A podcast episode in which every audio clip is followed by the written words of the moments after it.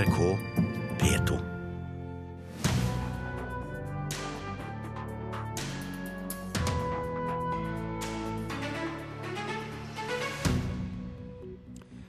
Å spille dataspill har blitt et større avhengighetsproblem enn rusmidler for ungdom som faller utenfor skole og jobb. Elektronisk heroin kalles det. Stavanger fikk riksvåpen tilbake fra Tollmuseets lager i Oslo, men øksehodet manglet. Og Paradise Hotel åpnet niende sesong i går. Programleder Triana Iglesias er på vei her til Kulturnytt for å avsløre årets hemmeligheter. I den grad serien som avslører alt, har noen hemmeligheter. Vi får se. Dataspillavhengige er eh, Dataspillavhengighet er et større problem enn rusmiddelavhengighet for unge Nav-brukere. Det mener Nav i Trondheim, som anslår at mellom 50 og 60% av unge som faller utenfor skole og jobb, sliter med overdriven spilling. Eh, Enkelte ungdommer kaller det her litt sånn, en form for elektronisk heroin. Eh, De blir fryktelig avhengige av det. Jeg syns det er et litt sånn skummelt begrep, men det er en sannhet i det. Det ser vi. Hvor eh, omfattende problem er dette? Nei, det vi ser er at De trekker seg veldig godt tilbake både fra familie og venner. Eh, I ytterste konsekvens så sitter de alene i kjellerstua til foreldre og spiller. Eh, De går ikke opp til måltid, men de lager mat sjøl i tilknytning til der de spiller. Det sier Sverre Aasbakk, som er ungdomsveileder ved Nav Østbyen i Trondheim. Dette handler ikke om pengespill på nett, men diverse spill som tidsmessig kan ta det meste av døgnet for de som er hekta. I løpet av de siste tre årene har Nav i Trondheim hatt ca. 1000 unge dropouts mellom 18 og 25 år gjennom systemet. I den ungdomsgruppa som jobber med på jobbhusene, så regner jeg med at det er en eh, 50-60% om ikke høyere. Eh, Mest gutter, men også noen jenter som er veldig avhengig av denne spillerutinen sin. Jeg spiller ganske mye forskjellig. Det har vært mye World of Warcraft og mye av det Heartstone, kortspillet til Blizzard, som også slager World of Warcraft. Og så har det vært mye konsoll en periode. 21 år gamle Stian Hatling Solbakk fra Trondheim er nå på kurs i Nav-systemet for å få hjelp til å komme seg ut i jobb. I perioder har spilling vært en for stor del av livet hans. Jeg spiller veldig mye forskjellig.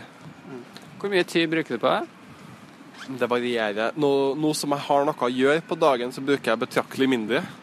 Men hvis jeg er arbeidsløs og før jeg kom i kursing, så brukte jeg mesteparten av dagen min på å sitte og spille. Og natta? Ja, mye utover natta òg. Nav i Trondheim søkte nylig om midler fra Helsedirektoratet for å bli bedre på unge og gaming, men fikk nei. Harald Sodu er fagkoordinator for alle Nav-kontorene i Trondheim. Før så var vi kanskje mest bekymra for utfordringene utfordringer når det gjaldt eh, misbruk eh, og den slags, og nå er vi kanskje aller mest bekymra for ungdommene når det gjelder det her med hvordan de bruker tida si, rett og slett, og at altfor mye tid og alt for mye Altså du blir på en måte helt hekta på spill. Gaming er nå et større problem enn rus for ungdommene som dere har gjennom systemet deres? Jeg tror sånn, Hvis vi snakker antallsmessig, så tror jeg nok vi kan eh, påstå det, iallfall. Selv om eh, vi ikke kan kanskje belegge det med noe sånn helt faktiske tall. Eh, så virker iallfall den kontakten vi har med ungdommer som er knytta til Nav, det virker til å være et, større, et klart større problem enn den rene på en måte, rusproblematikken. Reporter i denne saken det var Gjøte Toftaker. Rune Aune Menzoni, førsteamanuensis på Institutt for samfunnspsykologi ved Universitetet i Bergen, og da altså ekspert på dataspillavhengighet. Velkommen til Kulturnytt. Takk skal du ha. Er du overrasket over anslaget fra Nav i Trondheim om antall dataspillavhengige unge? Eh, ja, det er jeg, men jeg tror vi skal holde tungen litt eh, rett i munnen. Fordi at når jeg hører på de som uttaler seg i saken her, så, så er det ikke alt det som eh, antagelig vil eh, kunne klassifiseres som avhengighet. da. En sånn kl- klinisk uh, diagnose tenker du på der? eller? Ja, Det eksisterer per i dag ikke som en uh, klinisk diagnose, men det finnes noen forslag til hvordan man skal tenke på det. Men i alle fall, det, sånn som jeg hører personene uttale seg i saken her, så uh, er det jo eh, nærliggende å tenke at dette er personer som har eh, mye fritid, da. Mye, disse, mye tid de skal fylle med dagene, og at de bruker den tiden i stor grad på spill. Og, og så kan man eh, få ulike bekymringer knyttet til det, da. Men, men Sonny, står vi overfor en ny type dataspillavhengighet, eller er det bare mer av den gode gamle? Nei, det eh, Altså, vi må vi kan, OK, hvis vi tar dataspillavhengighet først. Det, da handler det om at eh, du har en aktivitet som tidligere har tilbrakt eh, livet ditt noe positivt, som nå mer eller mindre har kapret livet ditt, og som står i veien for at du skal klare å komme deg videre. Eh, da er vi inne i sånne problemområde som man kanskje kan trenge hjelp til å komme seg ut av. Eh, mens en, en annen, et annet aspekt, det er jo hvis, det, hvis jeg er skolelei og dropper ut av skolen eller har mistet jobben og fyller dagene mine med å spille. Eh, så kan det jo hende at familien min blir bekymret for det, men det er jo ikke eh, nødvendigvis sånn at jeg har en sykdom som heter dataspillavhengighet. av den grunn. Men, men, hva er det som gjør ungdommene avhengig av de som, de som rapporteres som, og som omtaler seg selv som avhengige? Er det, er det spillet i seg selv, eller er det omstendighetene i livet? Der, det er en kombinasjon, eh, som regel, der du har både egenskaper med spillene som er godt egnet til å trigge avhengighetslignende ting hos de som er disponert for det. Men eh, det er også sånn at livssituasjonen man er i, er viktig. Og så er det, for, for, unge så er det også en del modningsprosesser som gjør at unge er særlig utsatt for eh, den type ting. Hva slags preventive grep kan foreldre gjøre? Eh, foreldre syns de først og fremst bør sette seg godt inn i hva spill handler om hva det er som er bra med spill, hvorfor unge bruker mye tid på spill i utgangspunktet. Så man må forstå de tingene der. Da kommer man i bedre posisjon til å kunne gå i dialog med hvilket forhold unge bør ha til spill. Rune Aune Menzoni ved Universitetet i Bergen, takk for at du var med i Kulturnytt. Takk for det. Da har eh, reporter Oddvin Aune kommet i studio, og det er med andre ord på tide å se hva som står i enkelte av dagens aviser. Oddvin, eh, Nasjonalmuseet har gått med solid underskudd, hører vi? Til tross for dobla billettpris og kraftig økning i besøkstall, så ble det faktisk røde tall for Nasjonalmuseet i fjor. Eh, stiftelsen fikk i fjor et driftsunderskudd på 12 millioner kroner, ifølge Aftenposten. Det her underskuddet skyldes hovedsakelig kunstkjøp på 17 millioner kroner. Og avtroppende direktør Audun Eckhoff eh, sier til Aftenposten at underskuddet var planlagt. Og han lover at det får ingen innvirkning på publikumstilbud, verken i år eller til neste år. Mm. Det er snart uh, slutt på direktørperioden til Eckhoff. Det er snart slutt for disse gutta her òg.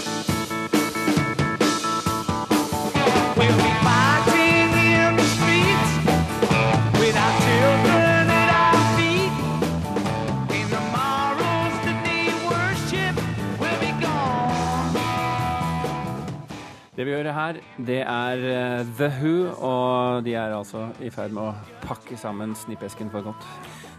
De britiske veteranrockerne har de siste tre årene vært på en farvelturné som eh, Eller det vil si de to gjenlevende med, uh, originalmedlemmene. originalmedlemmene Roger Daltrey og Pete Townsend. De skal nå runde av med å spille konserter i Las Vegas i sommer. Ja. Det er litt uklart hvor mange konserter de skal avholde der, men seks i første omgang. The hun har jo vært eh, flere ganger i Norge tidligere. Eh, allerede i 1967 var de på besøk i Njordhallen. Og på sedvanlig The Who-vis så kasta gitarist Pete Townsend gitaren opp i taklampa sånn at den knuste, og hele salen ble mørklagt i lang tid etterpå. Det hadde vært gøy om det skjedde i Las Vegas, selv om taklampene der antageligvis er litt dyrere. Helt enig. Det som begynte som et lite sideprogram, er i ferd med å gjennomsyre hele musikkfestivalen South by Southwest i Austin, Texas, USA. Postfaktasamfunnet, kommersialiseringen av alternative virkeligheter og helseteknologi, det er noe av tematikken for årets program. For et par timer siden så snakket jeg med kollega Marius Arnesen i NRK Beta og spurte om det var en eh, dristig manøver å kaste inn en hundrelapp og tippe på at det var kunstig intelligens som var hovedtema på festivalen i år. Ja, Den tror jeg gir lav avkastning, men jeg tror du har veldig, veldig rett i det. Det er rett og slett uh, kunstig intelligens som gjennomsyrer de aller fleste temaene og, og spor og tracks og sesjoner det her året. Uh, litt overraskende at det har kommet så fort, men, men, det har det altså. Men når man snakker om kunstig intelligens på South by Southwest, snakker man da kun om praktisk anvendelse, eh, anvendelse eller er man opptatt av etikken og jussen og den teknologiske utfordringen rent moralsk?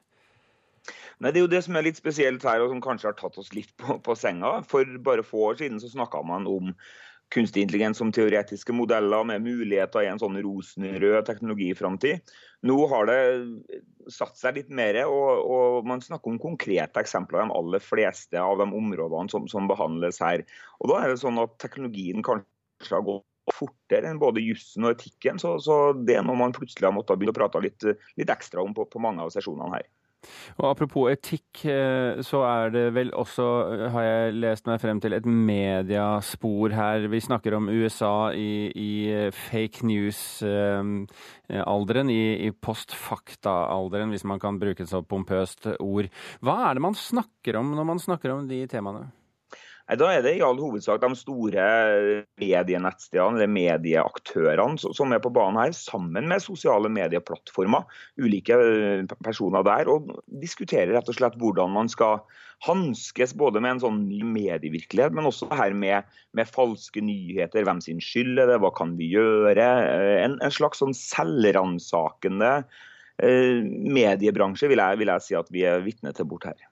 Eh, helse er jo også et, et, eh, et, en tematikk som kommer opp når man begynner å snakke om teknologi, en moderne teknologi, kunstig intelligens og kropp. Kommer man inn i et sånn slags filosofisk spørsmålsstilling her også? Ja, om det ikke er så filosofisk, er det i alle fall veldig mye etikk når det kommer til den helsebiten. For her snakker vi om hvordan vi skal bruke helsedataene våre smartere. Hva skjer når vi mater med de neurale nettene, altså den kunstige intelligensen, med helsedataene våre? Eh, hva skal vi bruke de dingsene til, som etter hvert leser veldig mye data fra kroppene våre, både før vi blir syke og når vi blir syke? Sånn det er en del sånne litt sånn store spørsmål eh, som, som kommer til overflata når vi begynner å blande helse borti de, de, de tingene her. Tror du, eh, ut fra de du har snakket med og det du har vært med på, at eh, AI, altså kunstig intelligens, vil være også de dominerende eh, den dominerende tematikken for, for slike messer også i fremtiden? Ja, Det er mye som tyder på at man har gjort et lite sånn kvadrang på den kunstige intelligensen bare på, på, de to siste årene. her egentlig, og Nå begynner å se veldig mye konkrete eksempler på hva det kan brukes til er selvfølgelig noe som, som kommer til å dukke opp eh, ganske kraftig på sånne typer messer som det her framover. Klokken er passert kvart over åtte. Du hører på Kulturnytt, og dette er toppsakene i Nyhetsmorgen nå.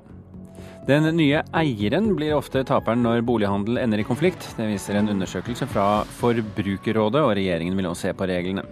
En av ti bedrifter vil ansette nye folk til våren. Det har ikke vært et så godt jobbmarked på fire år, ifølge en rapport fra Manpower. Og menneskerettighetene til norske innsatte som soner i Nederland sikres ikke tilstrekkelig, mener Sivilombudsmannen. Stavanger har omsider fått tilbake et riksvåpen fra 1800-tallet som i årevis har støvet ned på et lager hos Tollmuseet i Oslo. Utenriksdepartementet har gjort et sjeldent unntak og tillatt at klenodiet kan henges opp på en ikke-statlig bygning. Men da riksvåpenet ble pakket opp i Stavanger, så var det noe vesentlig som manglet. Ja, det er dumt. Det er liksom rosinen i pølsen som mangler. Byantikvar Hanne Winsholt betrakter riksvåpenet som ligger på et bord ved Arkeologisk museum i Stavanger, og Fredrik Hansen i Byhistorisk forening kan bare konstatere at det er noe som mangler, nemlig hodet på øksa. Nei, den mangler, men se på bildet, hvor fint den kan bli. Riksvåpenet det var oppi den gavlen midt på huset. Som NRK meldte i februar, har Stavanger lenge forsøkt å få tilbake 1800-tallsklenodiet som ble gjenfunnet i 2009, for så å havne på lager hos Tollmuseet i Oslo. Fordi at vi syns på en måte at bygningen er ikke komplett uten det. Stavanger vil ha riksvåpenet tilbake på den freda bygningen på Strandkaien, som var tollbod fram til 1905, og nylig snudde tolletaten og sa ja. Riksvåpenet ble sendt vestover. Men da konservator Anne Ytterdal pakket det opp, manglet altså hodet på øksa som riksløven holder i. Den stammen på øksa den er nok satt sammen av to deler, sånn at økshodet har vært eh, laga for seg i metall. Og på et eller annet tidspunkt så har da dette knukket antageligvis, og så har den eh, falt av og blitt borte. For når vi da fant den i 2009, så var den jo der. Øksehodet skal vi komme tilbake til. Men problemet i denne saken til nå har vært at den fredede staselige lys rosa bygningen i dag brukes av det interkommunale havnekontoret. Og ifølge de strenge forskriftene er det bare statlige virksomheter som kan henge opp riksvåpenet. Men nå har også Utenriksdepartementet gjort et sjeldent unntak og sagt ja til at skiltet kan henges opp igjen på denne bygningen, sier fagdirektør Lars Løberg i UD. Altså Vi ser på dette som et bygningselement som har historisk betydning. og Vi følger da både Byantikvarens og tollvesenets tilråding her. Vi minner jo da i dispensasjonsbrevet vårt om at skiltet fortsatt er statens eiendom, og at eh, poenget med å ha den tilbake er at den ikke skal kunne forveksles med statlig virksomhetsutøvelse. Det går veldig tydelig frem ved inngangspartiet til bygget hva, hva, slags virksomhet som drives der. Jo, det er veldig, veldig hyggelig at de ville avse det til Stavanger igjen, og at det kan komme opp et sted hvor folk kan få se det. Og som om ikke det var nok. Mens NRK besøker Arkeologisk museum Ringer tollmuseet i Oslo. Det bortkomne øksehodet er funnet i en pappeske med gamle bøker fra tollboden i Stavanger. Er det sant? Nei, det var kjempegøy. Tollmuseet i Oslo de stiger jo nå mange grader bare av det. I dag kan gulløven på rød bunn bare så vidt skimtes under tykke støvlag, og kronen er heller ikke helt intakt. Ane Ytterdal håper hun kan få riksvåpenet til å skinne igjen. Det norske riksvåpenet det er jo en gulløve på rød bunn, så den blir flott når den kommer på plass. Det er jeg ikke tvil om. Fredrik Hansen, hvem er det som skal betale for dette, da? Ja, jeg fryktet jo at det spørsmålet skulle komme opp, da. Nei, Vi får jo se. altså Byhistorisk forening, som er en av de som har tatt initiativet til dette, får vel være med i et eller annet. Så får vi se om det er noen å spleise med, eller om vi må ta alt selv. Man blir jo litt sånn lysten på å få det opp når, når det første kom til byen. Så er det jo viktig at ikke tingene tar altfor lang tid.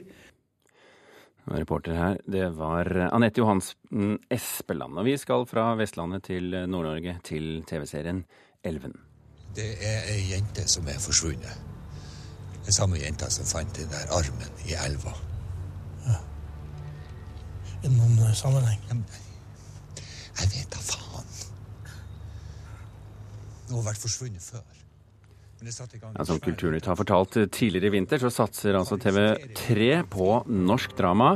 Allerede kan vi se Aber Bergen som resultat av denne satsingen. Og på torsdag er det premiere på det du hører her, thrillerserien Elven. Kollega Sigurd Vik i Filmpolitiet, du har sett eh, de to første episodene i hvert fall. Hva var førsteinntrykket? Eh, førsteinntrykket er at vi her har en eh, krimthriller og litt dramakrim som har veldig eh, mange gode ingredienser.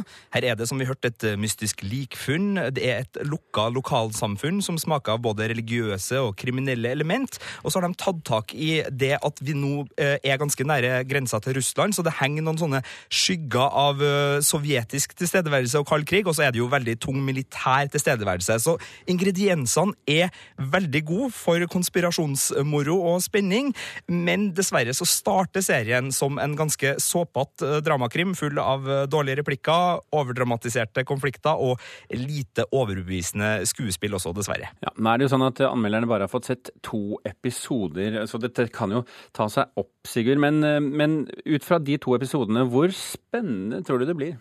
Det kan bli spennende. Det som er Problemet er at dette er en serie som ønsker å holde alle handlingstrådene litt sånn rødglødende hele tida. Så det er Eh, alltid konflikt, og det gjør jo at det er alltid noe å følge med på. Musikken bestandig dramatisk, og det er rett inn i enten dialoger eller litt sånn snoking som er veldig mystisk, men det gjør også at nerven og miljøskildringene koker litt bort, så man får liksom ikke tida til å bli ordentlig kjent med det her. Man kommer ikke under huden på de miljøene som skildres, så etter hvert så blir det litt for spenningsmetta, rett og slett, eller ikke etter hvert, ganske med en gang så blir det spenningsmetta for min del, så det gjør jo at den eh, ja, blir litt sånn eh, cheesy. Men, men, det er jo kjente navn både foran og bak kameraet her. Man skulle jo tro at det hjalp?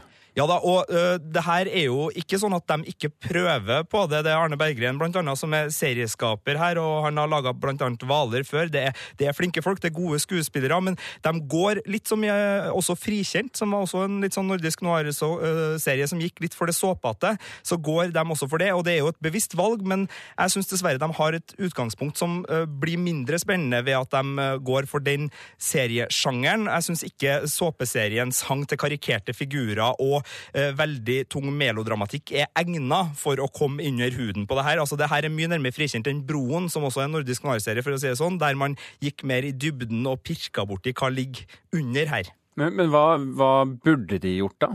Nei, Det er jo vanskelig all den tid man eh, ikke sitter med muligheten til å påvirke der, men jeg savner jo uh, mer ro, og jeg savner mer karakterutvikling, og jeg savner også uh, et uh, litt mer naturlig skuespill, for her er det veldig karikert, og det er et visst sånn B-krim fra USA-preg over veldig mange av replikkene.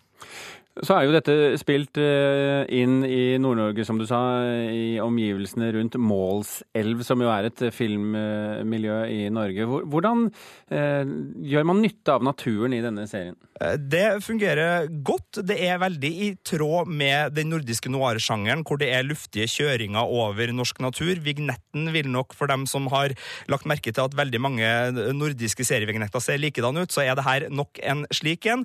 Det er en fargepalett som går fra grå til, eh, til nattemørk, stort sett. Og man har klassiske situasjoner som at folk vil like ute på joggetur i naturen, og det er en del sånne motiv som gjentas. Men det her er øh, veldig stødig og, og, vakkert fotografert, og en serie som sjangermessig låner veldig mye fra den store nordiske noir-verktøykassa. Og så må vi snakke om én skuespiller spesifikt, selv om det er mange kjente og dyktige skuespillere her, og det er Thomas Hace. For han fikk jo sitt gjennombrudd i serien Skam. Um, og så, uh, til alles overraskelse, så brøt han ut av den for å ikke bli stemplet som Skam-skuespiller. Nå er han altså i Elven. Um, hvordan gjør han seg? Jo da, han er absolutt en skuespiller med nærvær, og det merkes også her. Nå ser det ut til at hans rollefigur, som er en soldat, uten at jeg skal avsløre noe mye mer enn det, blir nok viktigere utover i serien. Han, ikke, han har ikke veldig mange scener i de to første episodene, men han ø, gjør en grei figur. Har også replikker som jeg ikke syns var ø, veldig uh, lite karikert, og han stjeler nok ingen av scenene, det kan man vel si, men en grei figur absolutt fra Thomas Face foreløpig. Så blir det spennende å se hvor den rollefiguren skal, da. Og apropos grei, liksom. Helt grei. I din nettanmeldelse for NRK så gir du denne serien terningkast tre. Eh, var det litt lite raust, Sigurd? Eh, skal man være raus? Nei, Var kanskje ikke. Nei da, det er Nei, man grei, skal være kritisk og anstendig. Grei underholdning er det, men uh, som nordisk noir-serie så er det her av den litt forglemmelige sorten etter to episoder. Sigurd Vik, takk for at du var med oss her i Kulturnytt. Og Elven har altså premiere på TV3 på torsdag.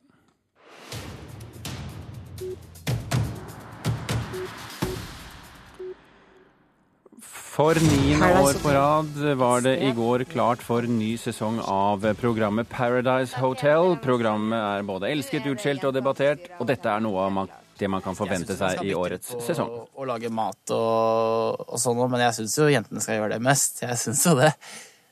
De er jo damer, tross alt. Alle jenter burde være feminist, for uh, man uh... Det var ikke så lett å svare på det der. Jeg er fantastisk god til å kysse. Jeg er sjarmen min supersterk. Her bruker jeg hele tiden. Jeg er bare meg sjøl, så det er jo Det er dritgøy å ha makt. Jeg elsker det. Herregud, tåplass. Triana Iglesias, programleder for uh, Paradise Hotel. God morgen, du er med oss fra et uh, lite studio borti Radiohuset. Radiohuset. Ja, her er det hyggelig. Ja, det vil jeg tro. Du, Paradise Hotel er helt avhengig av hvor spennende deltakerne er, også i årets sesong. Hvordan vil du beskrive årets gjeng? De byr veldig mye på seg selv, og absolutt en spennende gjeng. Virkelig. Det er altså fem jenter, i hvert fall ut fra første episode. Fem jenter og ti gutter. Jentene har fått mest makt. Det er girl power. Hvorfor ble det sånn i år? Nei, det må du spørre de som skriver eh, manus om. Jeg uh, har ingenting med verken casting eller manus å gjøre. Jeg er kun programleder. Men, uh, men likevel... for min del så er jo jeg veldig glad for at det er girl power, for jeg elsker jo at jenter har makt. men, men altså, Paradise jeg spør om dette litt fordi at Paradise tidligere har fått mye pepper for hvordan et eh, gammeldags kvinnesyn kommer til syne i programmet, og i år Å, de så, har det? Uh, ja, ja, ja. Um, så, så uh, du vil avvise at dette er et, et svar på den kritikken, altså? Um, jeg har ikke fått med meg at vi har fått kritikk pga. det, men jeg har fått med meg at vi har fått kritikk på veldig mye annet. Det har jeg. Okay. Men uh, at vi har fått kritikk på det òg, det, det, tviler jeg ikke på, for vi blir jo kritisert for alt. ja. Men sånn er det jo. Det er, enten så elsker du oss, eller så hater du oss. Vi er litt sånn uh, Alle sier at ikke, de ikke ser på Paradise Del, men uh, av en eller annen grunn så tror jeg de fleste ser på det. Mm. Men du, De, de snikser på det. Snikser, ja. Ja. Det er det som heter guilty pleasure, er det ikke det? Mm, Alle trenger en guilty pleasure. Du, når noen av deltakerne fremstår som litt i overkant uh, høy selvtillit, uh, kanskje særlig noen av guttene, hvor mye av intervjuene er arrangert eller manusstyrt, og hvor mye er impulsivt? Uh, alt er impulsivt. Det er veldig, veldig lite som er manusstyrt. Og at de er så høye på seg selv, det tror jeg ofte kanskje seeren hjemme som føler. For det, nå er jeg ganske mye eldre enn det jeg var da jeg startet. Jeg har holdt på i ni år. Og jo mer de virker, altså jo mer høye på seg selv de virker, jo mer usikre syns jeg de virker. For å være helt ærlig. Det er jo ofte en, eh, en sannhet i verden, det. Sånn er det. Men du, hva kan vi forvente oss da av årets sesong utover ungdommelig overmot og sterke følelser? Eh, Vi går jo tilbake igjen til gammel eh, Paradise, eh, altså sånn som Paradise-formen er. Parseremonier. Vi sender én kommer inn, én går ut. Man får favoritter. De, vi har parseremonier. Og så er det jo en karikatur av samfunnet. Det er jo det. Mm. Det må man bare Man må ta med seg det hvis man skal se på Paradise med kritiske øyne. Så man huske at det er en karikatur av samfunnet. Ja, Hvordan karikatur tenker du da? Jeg tenker at vi tar de ekstreme De menneskene som er mest ekstreme i samfunnet, liksom, og setter de inn i et hus. Og der er de uten å snakke med noen, uten å høre på musikk, uten å kunne lese, uten å kunne skrive, uten mobiltelefoner, uten aviser. De vet ingenting. De sitter der inne på det hotellet i to måneder. Litt over to måneder. Så spiller det seg ut. Ja, altså, så må de spille. Så er det spill. Så jeg tror de fleste, uansett hvordan person du er, hvor Mm. smart du er, hvor dum du er, hvor glad du er i, verk, i fotball eller i øh, nyheter eller hva det er, politi hvor politisk engasjert du er, uansett hva slags person du er, Så er det en plass for så, dem. Ja. nei, så du, kommer du til å komme inn i en boble når du er der. Ja, ok. Nei, men du, Triana Iglesias, jeg takker så meget for at du var med oss i Kulturnytt eh, i dag. Vi er i ferd med å runde av her med, med Kulturnytt. Vi har strengt tatt eh, rundt av allerede. Men eh, vi får bare repetere de siste, den første saken vi hadde i dag. Eh, å spille dataspill har blitt et større avhengighetsproblem enn rusmidler for ungdom som faller utenfor skole og jobb. De kalte det elektronisk heroin her i Kulturnytt. Thomas Alvarstein Ove og Birger Kåsrud Aasund sparker i gang Dagsnytt nå. Hør flere podkaster på nrk.no podkast.